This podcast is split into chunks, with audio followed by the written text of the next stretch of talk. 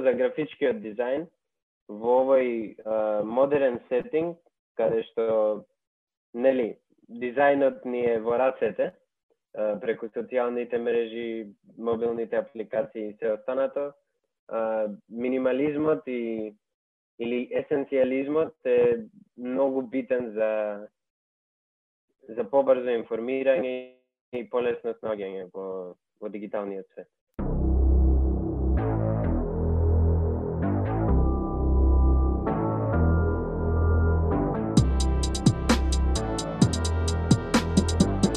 Здраво на сите, добро дојдовте во уште една епизода на подкастот Јустинијан збори. Моето име е Ѓорги, а со мене денеска, како и секогаш, се моите колеги од Правниот факултет во Скопје, Катерина Иванова Кате, Димитар Тромбевски Тромбе и Никола Донев Донев, нашиот Джеймс Бонд. Како сме колеги ова саботно утро, што правиме? Многу саботно се сеќаваме. И саботни работи правиме. Ај, многу утро, 3 сат.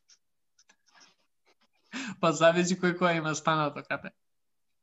Генерално, генерално добро, барем за сега. Е, така.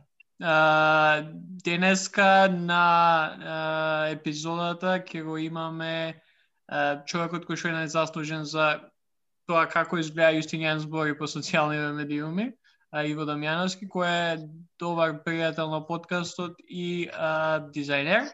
Но пред да преминеме со него и со разговорот кој што донев ја го имавме со него синоќа, предлагам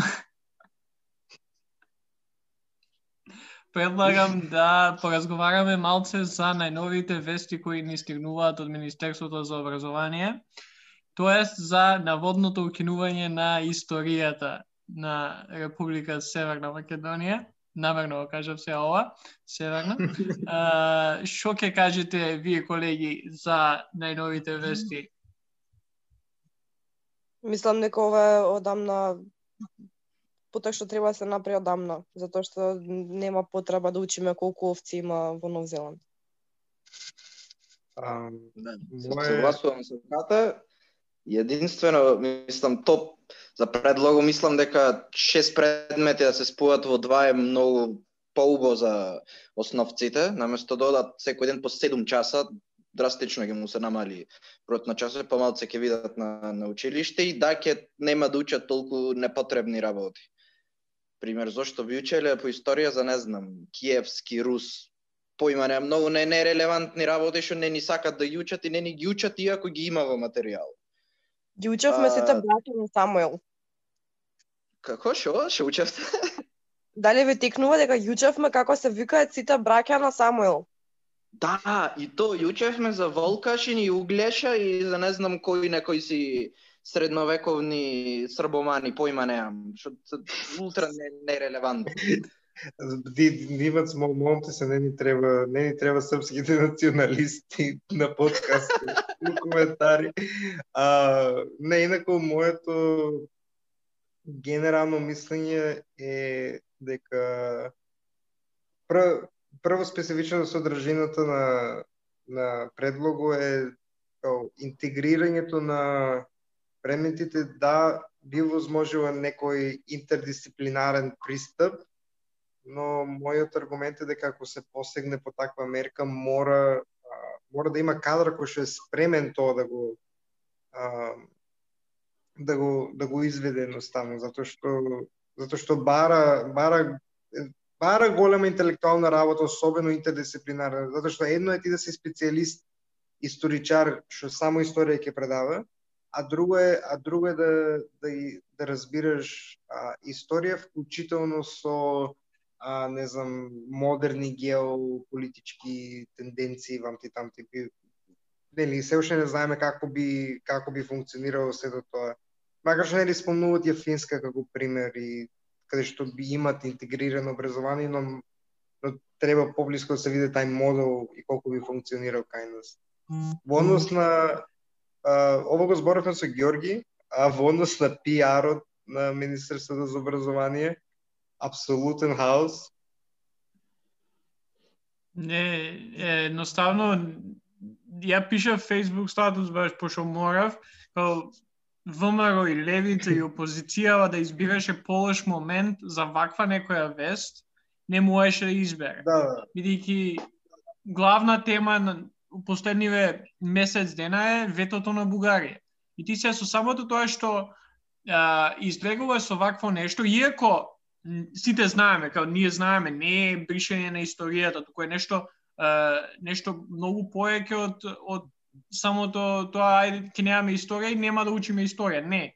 Многу подлабока и, и, и окей реформа е што мислам дека ако се спроведе на, на начин на кој што би требало да се спроведе, тоа е на начин на кој што, како што кажа Никола, ќе бидат обучени и професори, наставниот план и програма ќе бидат со соодветно направени и нема. Да. само да се копираат наставните планови од Финска, туку ќе се направат да а, да соодействуваат на, на ситуацијата кај нас, ама не се излегува сега на сред uh, проблеми со Бугарија, и ти им даваш уште поеќе да. муниција што се вика на на ВМРО и на на останатите кои што секако би било uh, би нашла некоја мана, ама сега ти самиот им ја даваш таа мана или и тој изговор зошто да те да. нападат. Да. Особено, мислам, особено ако експлицитно се искористени зборовите, нели, се укинува. Оти тоа е а, тоа е едноставно едноставно вознемирувачки во рамки на контекстот и мислам дека тоа е повеќе а, не координација на на пиарот на министерството на владата и се до тоа, бидејќи имат погледно интерни пиар тимови, не мислам добро не е не е мое место да коментирам, но друг аспект кој што сакам да го начнам е очигледно сега ќе има потреба од или ако се веќе спроведе таква програма и реформа, ќе треба а, изработка на нови учебници, што мислам дека во, особено ако станува збор за интердисциплинарни материјали, мора а, мора да се биде особено предпазлив да се а, Да се произведат квалитетни учебници, не а не учебници што ќе спојуваат работи кои што се едноставно не спојви, тоа е тоа е посебна методологија за таква работа. Да, би се согласил тука со Џоле дека тајмингот стварно не му е погоден. Во период кога е, бугарите барат реформирање на нашата историја и така натаму, доаѓаме до период како да изгледа дека стварно го исполнуваме тоа што го барат бугарите, иако то не го правиме, ама така би изгледало на канавидомо. И друга страна и пораката, мотивот зашто го прават тоа, односно со финска и финскиот модел, као се е решено во образованието и уште ова остана за финско образование да имаме. Таа порака малце, од најмала рака е не, да. не за мене барем ми е малце невкусна, треба уште многу да. фурни да. леп да јадиме за до финско образование. Стиг немаме како и да е добар чекор. Да, особено најмала рака да се да нема толков товар учениците, толку многу предмети да учат барем во основно образование. И тоа мислам дека не само пиар што веќе грешка беше огромна, ама и нашите наводни медиуми како ја пренесоа целата порака. А, значи такво новинарско таква новинарска неодговорност одамна неам видена. И мислам дека стварно направи огромна штета на темата баш со тие такви бомбастични наслови, провокативни содржини и така натаму што буквално се сведе сведе само на кликбейт работава и ај не е битно дали некој ќе свати нешто што се решава. И пак се навраќаме на оно што го зборавме и прошлата епизода. Значи народ не чита поише од пет реченици. Да. Но, но многу е битен насловот, зашто што знаеме си да само наслово се чита и ретко се навлегва во содржината. И буквално мейнстрим медиумите станаа како медиуми, како порталчиња на социјални медиуми. Шок, шок. Види некој шокантен наслов, а врска си нема содржината со насловот. Така да, тоа е многу лоша практика. Да. Е, мене, мене најако ми е што еден од аргументиве на другата страна би било дека еве ќе се ќе се отпуштаат професори или наставници. Ова е као некој кој што знае од поблиску што се случува со образованието, знае дека немаме ние наставници за вакви некои предмети. Се повек, се помалку и помалку имаме студенти на математика, на хемија, на биологија, историја, географија. Као нема нема кадар. Као ја имав усредно професор кој ни предаваше физика, човекот немаше завршено физика, информатика имаше, ама ни предаваше физика, средно образование. Као, ова е ноторна као глупост да се каже е ќе ги отпуштат професориве. Нема да ги отпуштат пошто ги нема. Тоа тоа онака ми е едно работите кои што ме нервираат кои, кои ги гледам, и плюс да дадам некое лично искуство бидејќи имав шанса да да учам втора година у Америка. средно. Осум предмет имав се на се цела година. Осум предмет. Немав нити биологија, нити физика, нити хемија. Си имав англиски, математика, а, имав некој компјутер клас, физичко, нели, нормално треба да се има, и другите беа изборни, каде ти си бираш. Имав америчка историја, кој што беше изборен, само една година се учи. Uh, имав, не знам, uh, не ми текна бизнис или нешто така, ама uh, поентата е што кај нас е проблемот што од, од пето оделение ние учиме историја до цел често, нели, од често до четврта година средно. Не ти треба толку, као истите работи ги учиме од пето до, до девет, од често до девето и од прва до четврта година. Еден изборен предмет у средно. И не само што ги учиме истите работи, туку учиме толку многу непотребни податоци, као кога бил роден Александар, како му се викале сите вртучери и така натаму, и не ги запамтуваме најсуштинските работи луѓе пола моја генерација во средно не знаеше кои држави а, ја сочинувале Југославија. А, не знаеа кој е Гаврило Принцип. Најосновни работи што треба да се знаат од општа култура не само од образование. Ама битно ги знаат дебилни работи. Тоа е, тоа е како... Да, Чоле ти тоа што рече за, за вработените во просветата, стварно е точно, кога пред, не знам, неколку месеци гледав на, на некоја телевизија баш кажува за овој проблем, кои се најдефицитарни професии во Македонија и огромно мнозинство тие беа во просветата. Професори по физика нема, по историја нема, по географија нема. Хемија нема. Хемија нема, многу битни такви предмети ги нема. Иако мене малце ми е проблем то кој ќе ги предава овие предмети, пошто историја, географија и уште предмет се во еден инкорпорирани, како ќе се одвива тоа ме интересира, али не и се, то то ќе Мислам дека како да не можеш да бркаш некој што не е вработен, не, нема професори, како ќе ги бркаш. А, мислам дека најмногу со околу буката на професорите се свати малце преозбилно, затоа што ипак збориме за знаење што на ниво на основна школа и многу полесно се обучуваат професори за ниво на основна школа, отколку да речеме, не знам, за средно или за, за високо образование. Сепак зборуваме за едно стварно базично ниво, каде што мислам дека фамата малце тумач у целава ситуација, затоа што ева да обуките за професори наставници, тоа што ќе предаваат СС, помина, и многу многу окей помина, мислам, а, сепак не се теми на кои не може да се обучат тие профи... наставници. Да, и плюс би долу овде као аргумент, не знам за другите приватни школи у државата, ама знам дека нова има social studies, нема историја или географија, има social studies, има science, нема физика или хемија. Се може они да имаат подоцна изборни предмети кои ги учат само еден семестар или една цела година, ама бит, најбитен предмет е тоа. После, нормално, се разликува. Тоа е некој проблем. Е, сега, ја мислам дека клучно и со ова може да завршиме е, разговорот. Клучно е како ќе се спроведе у пракса. Као, без разлика колку и да е добра или лоша програмата, како ги се спроведе во пракса. Еве само еден е, пример би ви дал со Кембридж. Ја сметам дека едно од полошите работи што се има десено за образованието е, е самото самата Кембридж програма за основно образование. Ама зошто е таа лоша? Не е лоша затоа што може би учебниците да се лоши. Не, знам, мајка ми е наставник и треба да предава Кембридж. Мајка ми ми вика, као, ние ги имаме учебниците, ама ние ги немаме потребните работи како да ги имплементираме тие работи што ги има учебници. Ние мора сами да купуваме или да уопште не може да најдеме некои работи за да направиме некој, не знам, експеримент кој што го пишува учебникот. Тоа е проблемот. Дали ти прво ќе ги обучиш наставниците, ќе направиш добра наставна програма и ќе им даде се што им треба за да успее овој проект или оваа програма. Тоа е, тоа е клучното што мислам дека ќе му треба доста време да да видиме некој резултат од ова, ако воопшто на крај на ден после ваквиве некои реакции и дојдеме до тоа да да се испрва овој оваа програма.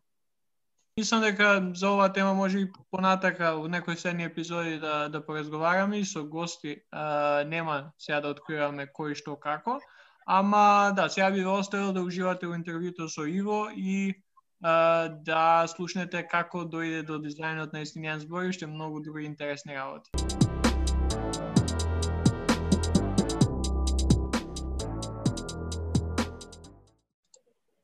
Добро да дојдевте назад во најновата епизода на Јустинијан збори, како што спомнавме во најавата. Со а, мене и Никола сега е нашиот добар пријател, пријател на подкастот Иво Дамјановски. Иво е Дизајнери, некој кој што е најзаслужен за тоа колку добро изгледа Ја, Јустинијан збори на, на социјални медиуми. Здраво, Иво, како си шо преш? Здраво, Георги. Фала многу на поканата и на убавите зборови. Добро, дизајнираме работа и онака, нели, самоизолација. Да, у самоизолација си у гостивар? А, не, а, не сум во самоизолација, ама сепак, нели, се изолирам. па добро, не кажуваме сега, знаеш, зборовите само изолација пред пандемијава значија нешто друго. Сега значат друго. да се осигураме дека си добро. Да, не, во добро здравје. А, тука да разговараме малку по casually за дизајн, за историјата на истинијан збори, за тие што ги интересира и за малку и за дизајнот во политиката и политичките кампањи. Да, ке ке ја начнеме таа тема малце при крајот, баш сакам твое мислење би ги офлайн сме збореле онака премногу за за вакви работи, нонстоп си праќаме скриншотови од, од глупи дизајни, од интересни работи кои ги гледаме по тоа поле а, веќе неколку години, ама на крај тоа сакам фуше од старт да ни да ни кажеш нешто а, поеќе за Еве, ај ќе почнеме од тоа. Како дојде до, до дизајнот на Јустинијан збори? Um, uh, ајде да почнеме од нас двајца. Um, нели, uh, Јас и Георги се знаеме од uh, лидерскиот камп во МЛП. Um, бевме заедно тамо две години, мислам. Um, и после тоа Георги дојде на гости во Гостивар, uh, кај мене. Um, и баш сподели со мене идеја за политички подкаст. Um, И баш а, разговаравме и правиме некој мал брейнсторминг за, за подкастот.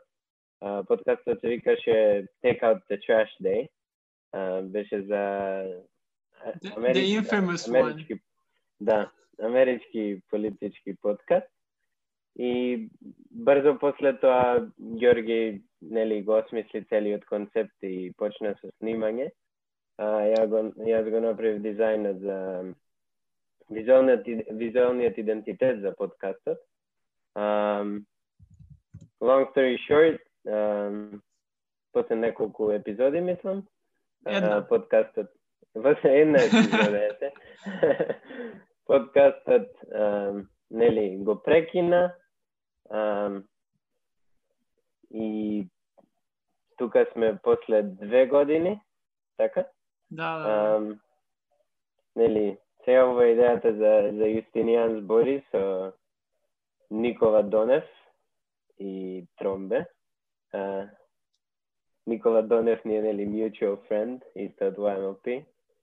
Um, и пошто на Ѓорѓи толку му се свидеше дизајнот од uh, Take Out the Trash Day, um, баш ми рече како зошто да не го редизајнираме во, во Јустинијан збори. И се, скоро се си остане исто а, генерално. Затоа и познатиот бекграунд со Capitol Hill. А, тоа е причината зашто е тука. А, нели само го сменивме логото во а, буквата Ј со со молњата и ја додадовме типографијата на на кирилица. Да, иако, иако имаме добили коментари во, и во однос на Capitol Hill, што стои во позадина. Да, еве, еве, убаво сега што ни дое на гости, бидејќи да точно е како пред две години почнав ја ништо не направив, не нема сега да да навлегувам у тоа, ама у последниве две години, се до почетокот на Јустинијан збори, секојаш ќе помине некоја две-три недели, ќе ми текне или ќе ми излезе Take Out the Trash и ќе видам дизајнот, сум као, а, I wish дека да, да имавме нешто, пошто дизајнот стварно е добар, што може а, многу, стварно и добиваме коментари и на тоа дека изгледа убаво и на Инстаграм и по Фейсбуци. И, и онака беше една од идеите зошто сакав да, да направам пак да пробам со тој политички, са политичка идеја беше токму дизајнот, пошо онака баш погоден беше, а секако Capitol Hill е бидејќи првиот подкаст требаше да биде за америчка политика, не требаше да биде за и беше на англиски. А, може и затоа не успеав, а и затоа што што го правев сам. Ама да, Capitol Hill е едно бидејќи нели Take Out the Trash Day беше наменет за америчка политика, ми второ мислам дека го зачувавме поради фактот што сепак Capitol Hill и Вашингтон DC се едно од најбитните политички места у, у светот, а не само у Америка. И, и тоа беше онака баш интересно. А, Иво, која, еве, ја ти пишав... So, so is, so is Red Square, George. Океј, ај следен следен подкаст кој правиме со Red Square ќе имаме упозадина. Ама Иво, сакам да те прашам следно, кој ја ти пишав сега за Јустинијан збори, што беше ти као ти пишав, оке, Иво ни треба дизајн, пошто голем дел од разговорите се така наши. Иво, дизајн ми треба за ова и за ова а, што беше прво нешто што е направи и, и можеш да се да идеш у тоа што е нешто прво кога кога почнуваш да да да правиш дизајн или бренд identity uh, за одредено нешто, во овој случај стињан збор. Да, да. Um, значи, нели, за Take Out the Trash да Day е многу сличен слична идеја на, на Јустинијан збори, затоа мислам дека успешно се задржа целиот концепт, инаку не би можело такво нешто да се случи.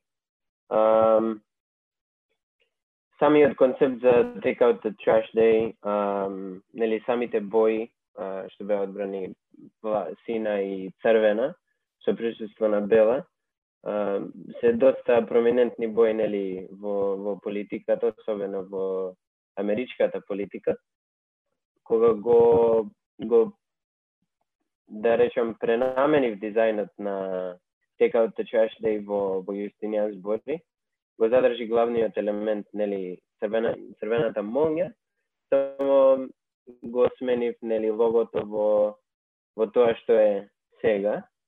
А, може да додадеш во видео делот од подкастот, нели, како изгледаше стариот дизајн и и сегашниот. Генерално, um, нешто што не е многу често луѓето не размислуваат често е дека дизајнот не е само цртање и креатива, туку треба и да се размислат и стратешките, а и нели комерцијалните потреби на на организацијата или компанијата за која се прави визуелен идентитет. И затоа почетокот на дизајн процесот е секогаш размислување за, за стратегијата на самиот бренд, нели тоа е uh, tone of voice, um,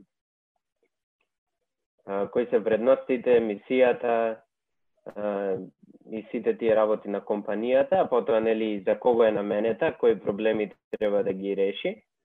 Па потоа тек се почнува да се истражува на темата, нели филд филдот или во овој случај подкасти или политички подкасти и слично.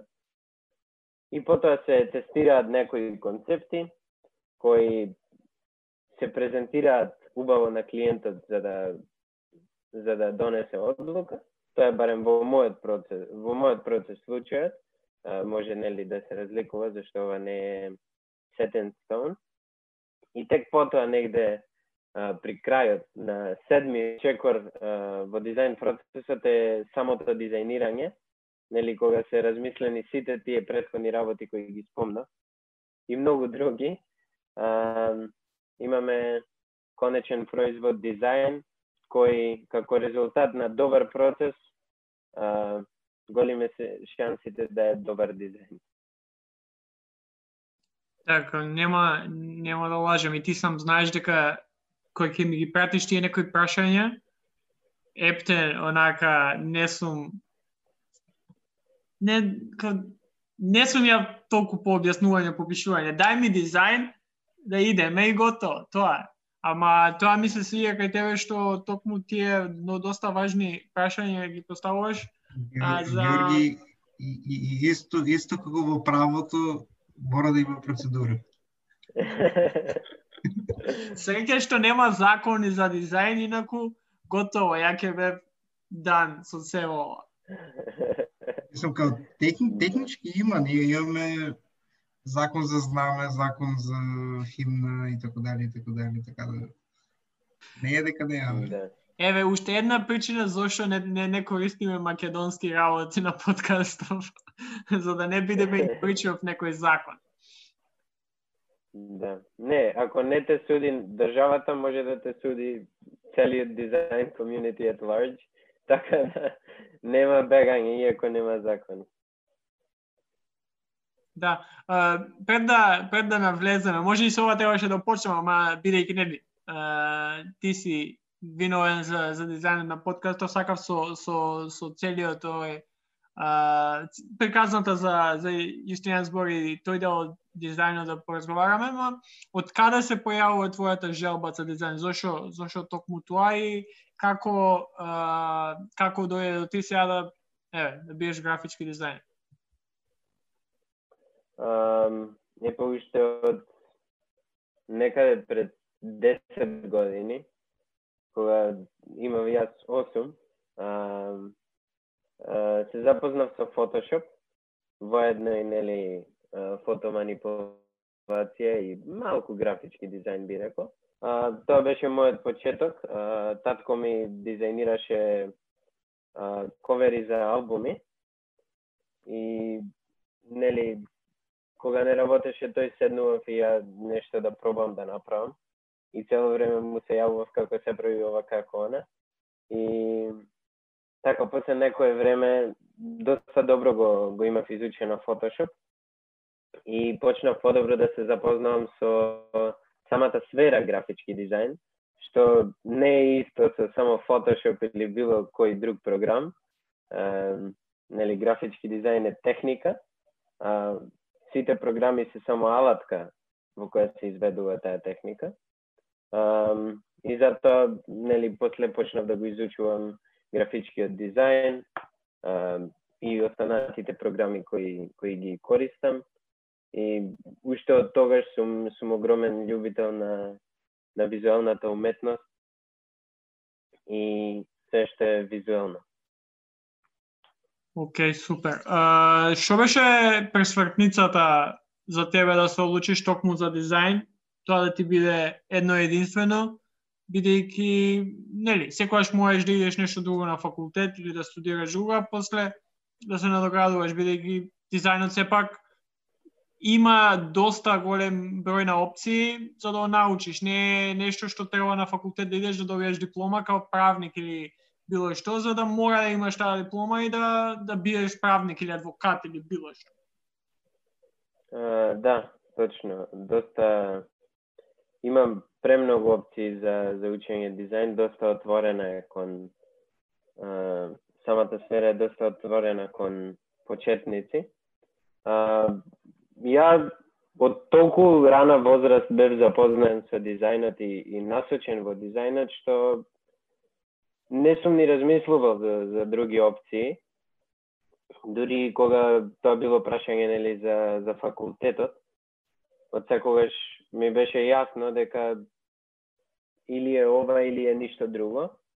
А, поради самото тоа што дури од првата година средно почнав да работам како дизајнер и не би го сменил за ништо, нели, тоа искуство. Да, дали, еве, ти спомна дека си им, работиш како дизајнер, дали uh, I mean, дали може да се живее од дизајнот кај нас? Um, дефинитивно. Uh, со самото тоа што нели uh, remote working или работа од дома е многу uh, честа во, во дизајнот и, и програмирањето и други сфери, но тие нели во главно. Uh, мислам дека кај, кај, кај да си во светот uh, имаш огромен број на нели на работни места, проекти ам, на кои можеш да работиш и, и да заработуваш. Да, и кај некој кој што ова, ова знаев дека ќе те прашам, уште кога се договоривме, кај некој кој што си онака у дизајн веќе целиот твој живот, може да се каже. И се знаеме што е она што гледаш у еден дизајн и, и кога ќе го видиш, одма ти се, се нервираш што го гледаш. Ако тоа е елемент, uh, мора да биде Comic Sans. Uh, нели доста познато кај дизајнерите um, нашата не омраза, ама huge disliking за за Comic Sans typeface А инако после тоа па можда и пред тоа би било пренаджиджан, што би рекле во Гостивар, или прекомплициран дизајн со милиони елементи кои воопшто не допринесуваат до до приказната што треба да се раскаже. Може би некој твој коментар околу минимализмот како генерална естетика на дизајн и на простори на све? Па, јас лично обожавам минимализам. Um, за тие што знаат или што би сакале да истражат, во дизајнот е доста позната швајцарската школа на, на дизајн или Swiss style. Доста минималистички и мислам дека во особено за графичкиот дизајн во овој модерен сетинг каде што нели дизајнот ни е во рацете преку социјалните мрежи, мобилните апликации и се останато, минимализмот и или есенцијализмот е многу битен за за побрзо информирање и полесно снаѓање во, во дигиталниот свет. Да, и една од оние работи што мислам и сите тројца што сме моментално што збориме не поврзуваат тој минимализам, знам дека Никола го сака тој минимализам, поготово кога станува збор за дизајни. А, Иво, ти ја, секако? Јас, јас обожавам добар минимализам, а, освен кај книги, пошто јас сум у тај случај максималист. Колку поголема библиотека, толку подобро. Па добро, мислам дека кога станува збор за минимализмот, повеќе тој убаво каже Иво, есенцијализам, есенцијализам, mm -hmm. кај што да, еве, ја ја на ти книги, ја бейсбол работи, као имам бейсбол палка на секаде установ, имам бейсбол топка, као буквално секој секој кјоше, као не сум минималист у тој поглед, ама сум онака тие работи што знам дека ми се потребни, ги имам доволно, дури повеќе од доволно некојаш, ама се друго знам дека не ми треба, едноставно не ми треба 300 книги, пошто знам дека никогаш нема да ги прочитам. Не знам, не знам дали не знам дали треба дозвола, мислам дека Мислиш дека ти као Радо би, би си шетал со бейсбол палката на секаде низ Скопје? Е, пази, мислам, она што дознав кога се враќав од Америка 2016-та, дека ако патуваш со бейсбол палка и само бейсбол палка, може слободно те застана да те да, да те претресат, дури да те задржат додека не не не, не доставиш докази зашто би ја користел. Ама ако си со бейсбол палка и со бейсбол ракавица и со опрема за бейсбол, you're safe. Така што така ја се вратив од Америка у Македонија со бейсбол палка, ракавица и топче. Заклучокот е носи си топче и ракавица. Секогаш се, се секогаш на граници со правото Ѓорѓи. Секогаш. А вај сега, ова не е подкаст ја за бейсбол, ке збориме за бейсбол некој друго време. Иво, а, дизајн. А, сега да те прашам, и знам дека едва и те убедив да ни доеш на подкаст, ова е едно од главните теми што сакав да зборувам дизајн политичка кампања. За тебе, као некој кој што се занимава со тоа, колку мислиш дека е тоа важно, а после нели ќе поразговараме и дали не знам некоја од политичките партии кај нас воопшто има онака слух за за тој дел од аспектот на на еден полити, на, на една политичка кампања. Um, мислам дека дизајнот е па близко и до една од најбитните работи во во било кое нели рекламирање и маркетинг, особено нели кога треба да се прочуе за нешто како што е во во политиката. А, баш и одбрав некои од моите омилени а, мислам не омилени, а, туку добри дизајни од светот, генерално Америка, а, нели од добар дизајн во во политиката. Ама генерално а, дизајнот многу придонесува во тоа чувство за за некој кандидат. Пошто колку и да сакаме, а, нашето чувство за кандидатот не е базирано 100% на на факти и на аргументи, туку некој дел е и на Мислам, ова е според мене, ама е базирано и на, на самото чувство за кандидатот, да. а тоа е... Ауч, Не, не те ауч, теории за демократијата, ауч. Uh, да, сега баш ќе кажа за тие што не не слушаат, Иво малце подзастани се насмеа бидејќи Никола направи фаца која која Иво го кажа последното што го кажа. Продолжи. Значи, не дека сум, мислам, ме интересира политика и често следам, ама не дека сум експерт, така да слободно да претаме. Ама од е, дизајнерско гледна, од дизајнерска гледна точка, многу многу битна, многу е многу битен дизајнот на кампањата на во во политиката. Примери што што мислам дека се баш го докажуваат ова што што го кажа е а, слоганот и дизајнот за Айденхауер, uh, I like Ike, и тие популарните беджови што нели минималистички да речеме без многу детали само пишува I like Ike и е, и е одличен дизајн после тоа е Hope постерот што има едно од најдобрите нели постери, најпознатите во од нашиот а, нашиот животен нели од досегашниот наш живот. А, мислам дека нема некој што не го знае Хоуп постерот или некоја друга варијација на Хоуп постерот.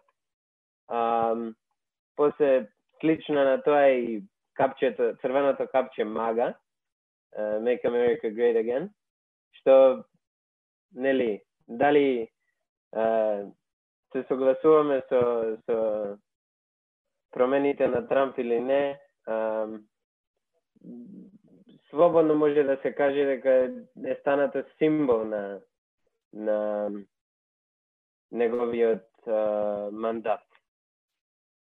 И толку е воочливо што дури и да напишеш друг текст, текст контекстот е, е сепак ист. А, друго нешто е црвените автобуси на Vote Leave во Британија.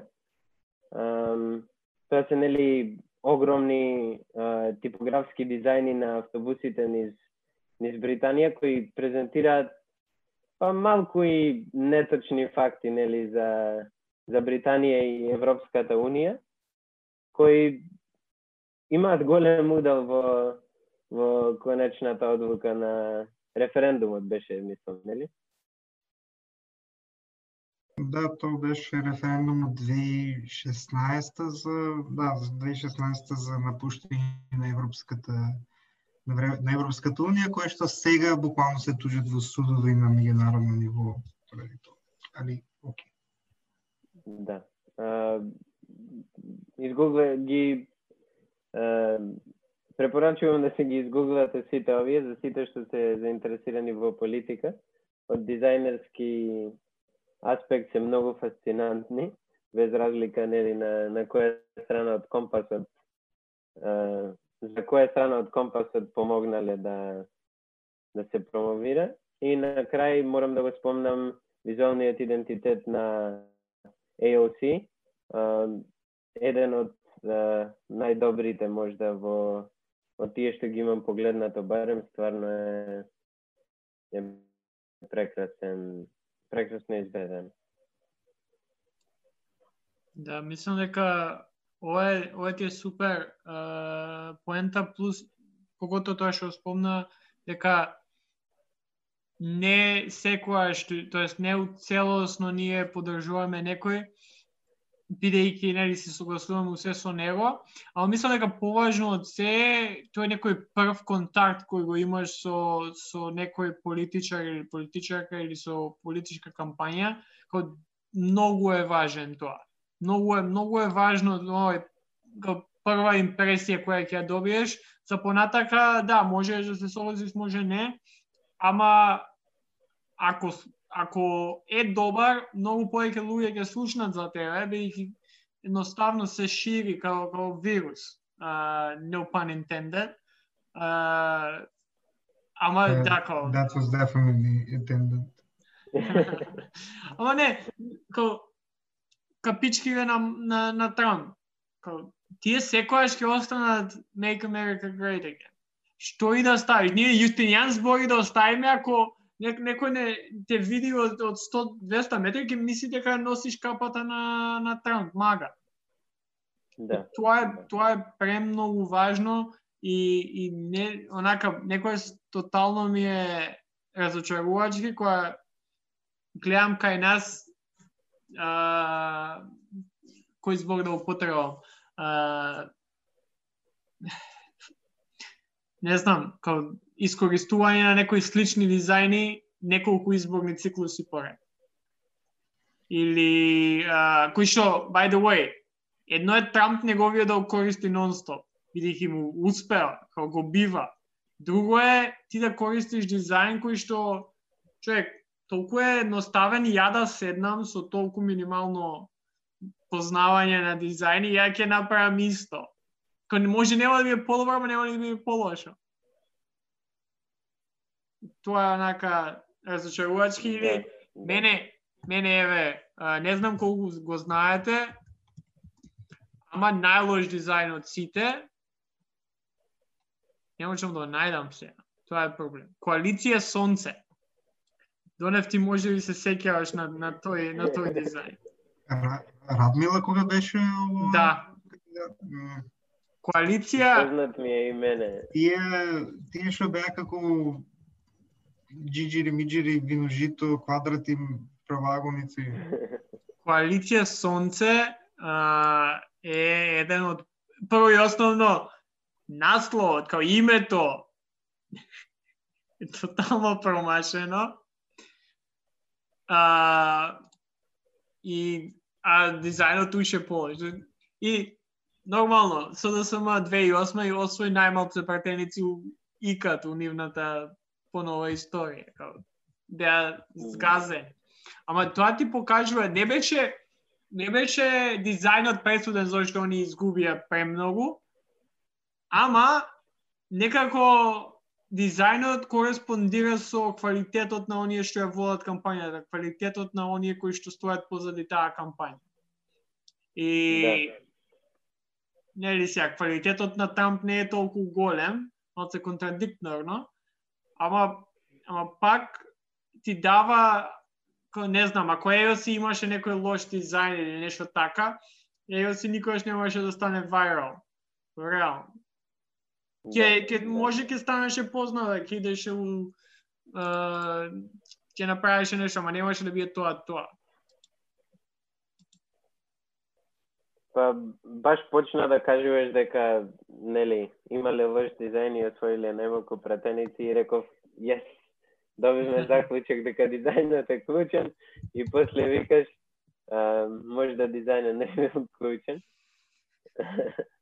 Не, едноставно кореспондира. Да, да. Uh, мислам дека не само во, во политиката, туку и во бизнисот, uh, тој што е доволно спремен и, и знае да ги спои сите сфери, нели, и бизнис, и бизнис страната, и дизајн страната, и маркетинг страна, страната на, на работите, бизнисот би успеал. Истото и во политика, нели? Не е само биди добар политичар или добар говорник и готово твојата кампања е победен. мислам, изборите се победени, треба да сите елементи да ги сврзеш што значи дека добриот лидер би размислувал и на на дизајнот на на кампањата. Лидер не само политички, туку и, и како бизнис. Да, да. Сега кога го начнам сакав ова, мислам дека е добро прашање нешто на кое што можеш ти да ми одговориш. Колку мислиш дека кај нас, е, ај, политички кампањи за никаде се, реално. А, рецик, ги рециклираат нонстоп. Ама колку мислиш дека кај нас е бизнис, а, бизнисите го прифаќаат тој некој дигитален свет или дигитално работење на а, дигитално работење со веб сајтови, со со дизајни, со бренд идентитети, со Инстаграми, социјални медиуми и слично? Па пред појавата на социјалните мрежи, uh, мислам дека дизајнот не, не бил ни, ни точка за размислување на, особено на помалите бизниси кои, кои немале потреба од а, нели поширок маркетинг. Ама со самата појава на социјалните мрежи, сите се запознаени со со потенцијалот нели на маркетингот на социјалните мрежи со што и нели им треба визуелен идентитет или па во најмала рака дизајн на на плакат, на реклама, лого и слично. Што значи дека тој дизајн на корпоративен дизајн и дизајн за социјални мрежи мислам дека е во, во огромен раст и самата самиот графички дизајн е во во раст поради тие два области. Та инаку, додека збореше, а, ова ќе ми биде онака домашна задача вечера. Коалиција Сонце и Обама Yes We Can Hope Poster. Колку само назад сме, и двете, значи и двете работи доаѓа на 2008 година. И тоест, окей, Обама може и порано 2007, ама премногу, премногу, разликата е преголема. Ова последно сакав, да, убаво е да се види доста компании кои што го прифаќаат тој некој нов начин на функционирање. Иако секогаш ми е чудно кога не знам некој бизнис нема собствен вебсайт или има, ама е од 2010 година. А, Оке, ова поеќе напад на Агенција за млади и спорт, кои што го немаат апдейтирано дизајнот на вебсайтот од 2012, мислам. Ама смешно е и тажно е кога, кога гледаме некои такви работи. Па, кога разговараме за веб дизајн... Не верувам дека би сакал многу да го напаѓаш млади спорт моментално. Нема да слуша тоа, не се сети. um, да, ова валда беше напад само од, од, од аспект на дизајн, како што ги толкувам ја. Да, да, да. Добро. Um, инаку, како што кажував, особено за веб дизајн, uh, нели, сваќаме колку е битно и, и употребливоста на дизајнот, а не само добриот изглед. Кога не можеш да се снајдеш на некоја веб страна, буквално, да речеме, повеќе си, си скроваш да најдеш некоја информација што е најбитна за вебсајтот, сваќаш дека можда и не треба да се зема шорткат на, на веб дизајн. Да, ти не вига некојаш која некој ќе дојде со, со курс, со, со два курса со веб дизајн и ќе се прави дека знае повеќе од тебе дизајн и, и такви некои работи кои гледаш на интернет? Па, се, се немам сретнато со дизајнер на такво нешто е, лично, ама секојдневно се среќавам со такви дизајни и особено како дизајнер, зашто ги приметувам и работите што другите нели не ги приметиле. Сигурно знаеш кога и да ми пратиш е, некој дизајн за Јустинијан збори. Е, знам да приметам деталче дали и текстот е порамнето со насловот дури за 2-3 пиксели. И иако тоа е супер особина за кога дизајнираш, кога не работиш, малку е нели grinding your gears за за ваши дизајни на секаде. Да, мене секојаш ми е најако баш ова го спомнав, не знам со кој го зборев ова, како кога на било кој друг ќе му пратам некој дизајн или некоја, не знам дали Јустинијан збори, дали сега без коски, кој ќе го пратаме као или е супер браво со ова, ова или е као не обива, ама тебе која ќе ти пратам, ти као ќе кажеш као супер е окей, само израмни од левата страна, додај на десната, па смени фон, додај shadow, што и да е, ама никогаш нема да кажеш само добро или лошо. Секојаш си као не е порамнето точно помести го на лево или на десно. Да, мали мали дизајнерски работи се тие што нели се учиш да ги гледаш и после не можеш да не ги гледаш. Тоа тоа мислам дека премногу е точно и не само за дизајн, како за се е точно. Е, како начинот на кој што еве ја последниве колку 8-9 месеци морав on the go да научам и ја нешто за дизајн, пошто да, ти, ти го имаш тој направен, го имаш направено темплейтот, ама сепак не можеш 24 кроз 7 да се замараш со, со Јустинијан збори, која, која ни треба некоја нова спика или нешто такво, туку морав и ја и, и како поминува времето, се повеќе навлегувам у тој некој дизајнерски свет, кај што и јас ја кога гледам некоја слика или некој дизајн, онака, освен тоа што дали ми се свиѓа или не, приметувам и кој е фонтот и зошо на едно место е овој фонт, а на друго место е друг фонт, па кога мене тоа највеќе ми смета, као ако имаш одберено едно, па макар и да е најлошо, освен ако не правиш некој редизајн да се, смени го, као стај едно, сите да бидат исто. Георги, someday, someday Иво ќе биде 24 сата да ја само да се застави во живо. That's what the party starts. Баш тоа јас ќе речев, don't never say never. Може да да бидеме full time employees на на истиниот збори. О, готово. Као, it's music to my ears.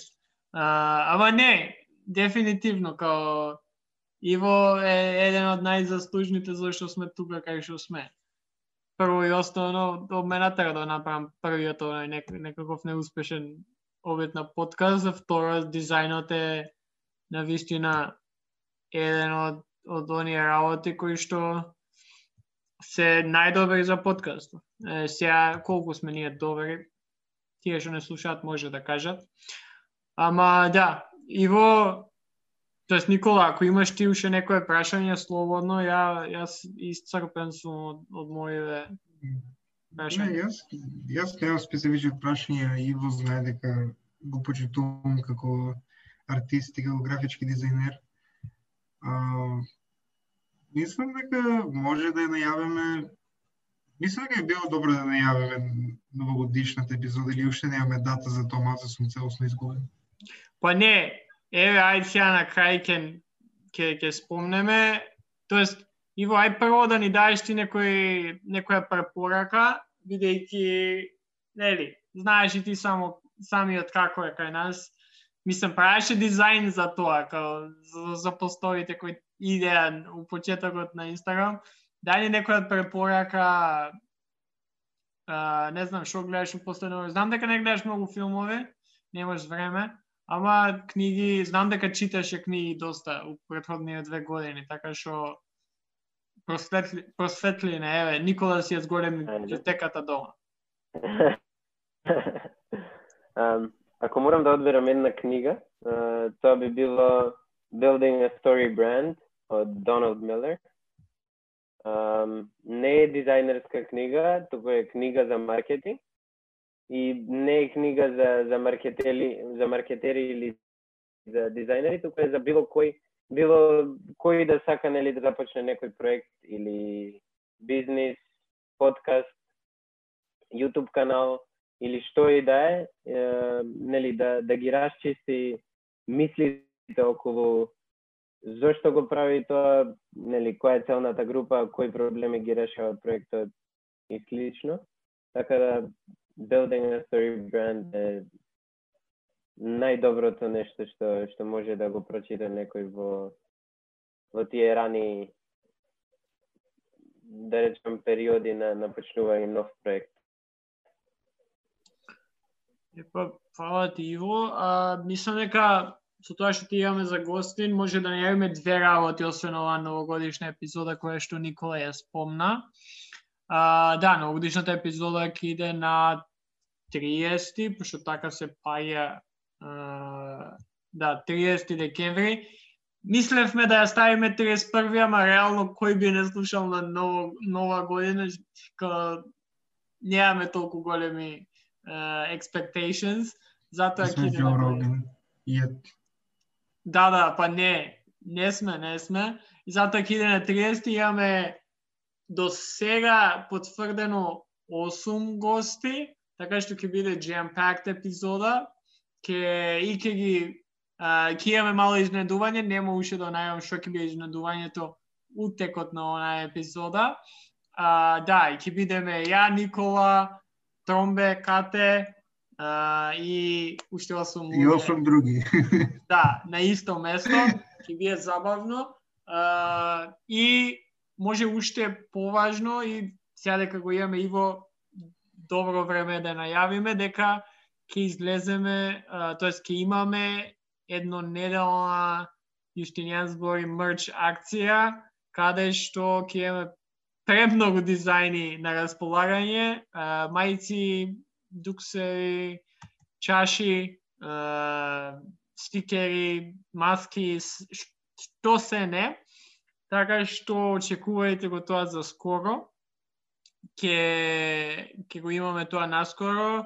Идејата е а, доста едноставна, веќе 8-9 месеци снимаме Јустинијан збори на Zoom и а, не се жалиме, ама ако до сега се посветивме поеќе на квалитетот на, на содржината на Јустинијан збори, сега сакаме да да се посветиме малце поеќе и на квалитетот на аудиото, квалитетот на видеото, квалитетот на на епизодите како целина, секако ќе си остане тоа да да ја задржаме да, да го задржаме квалитетот на самата содржина, ама да професионализираме. Ја, ја, јас го гарантирам тај дел.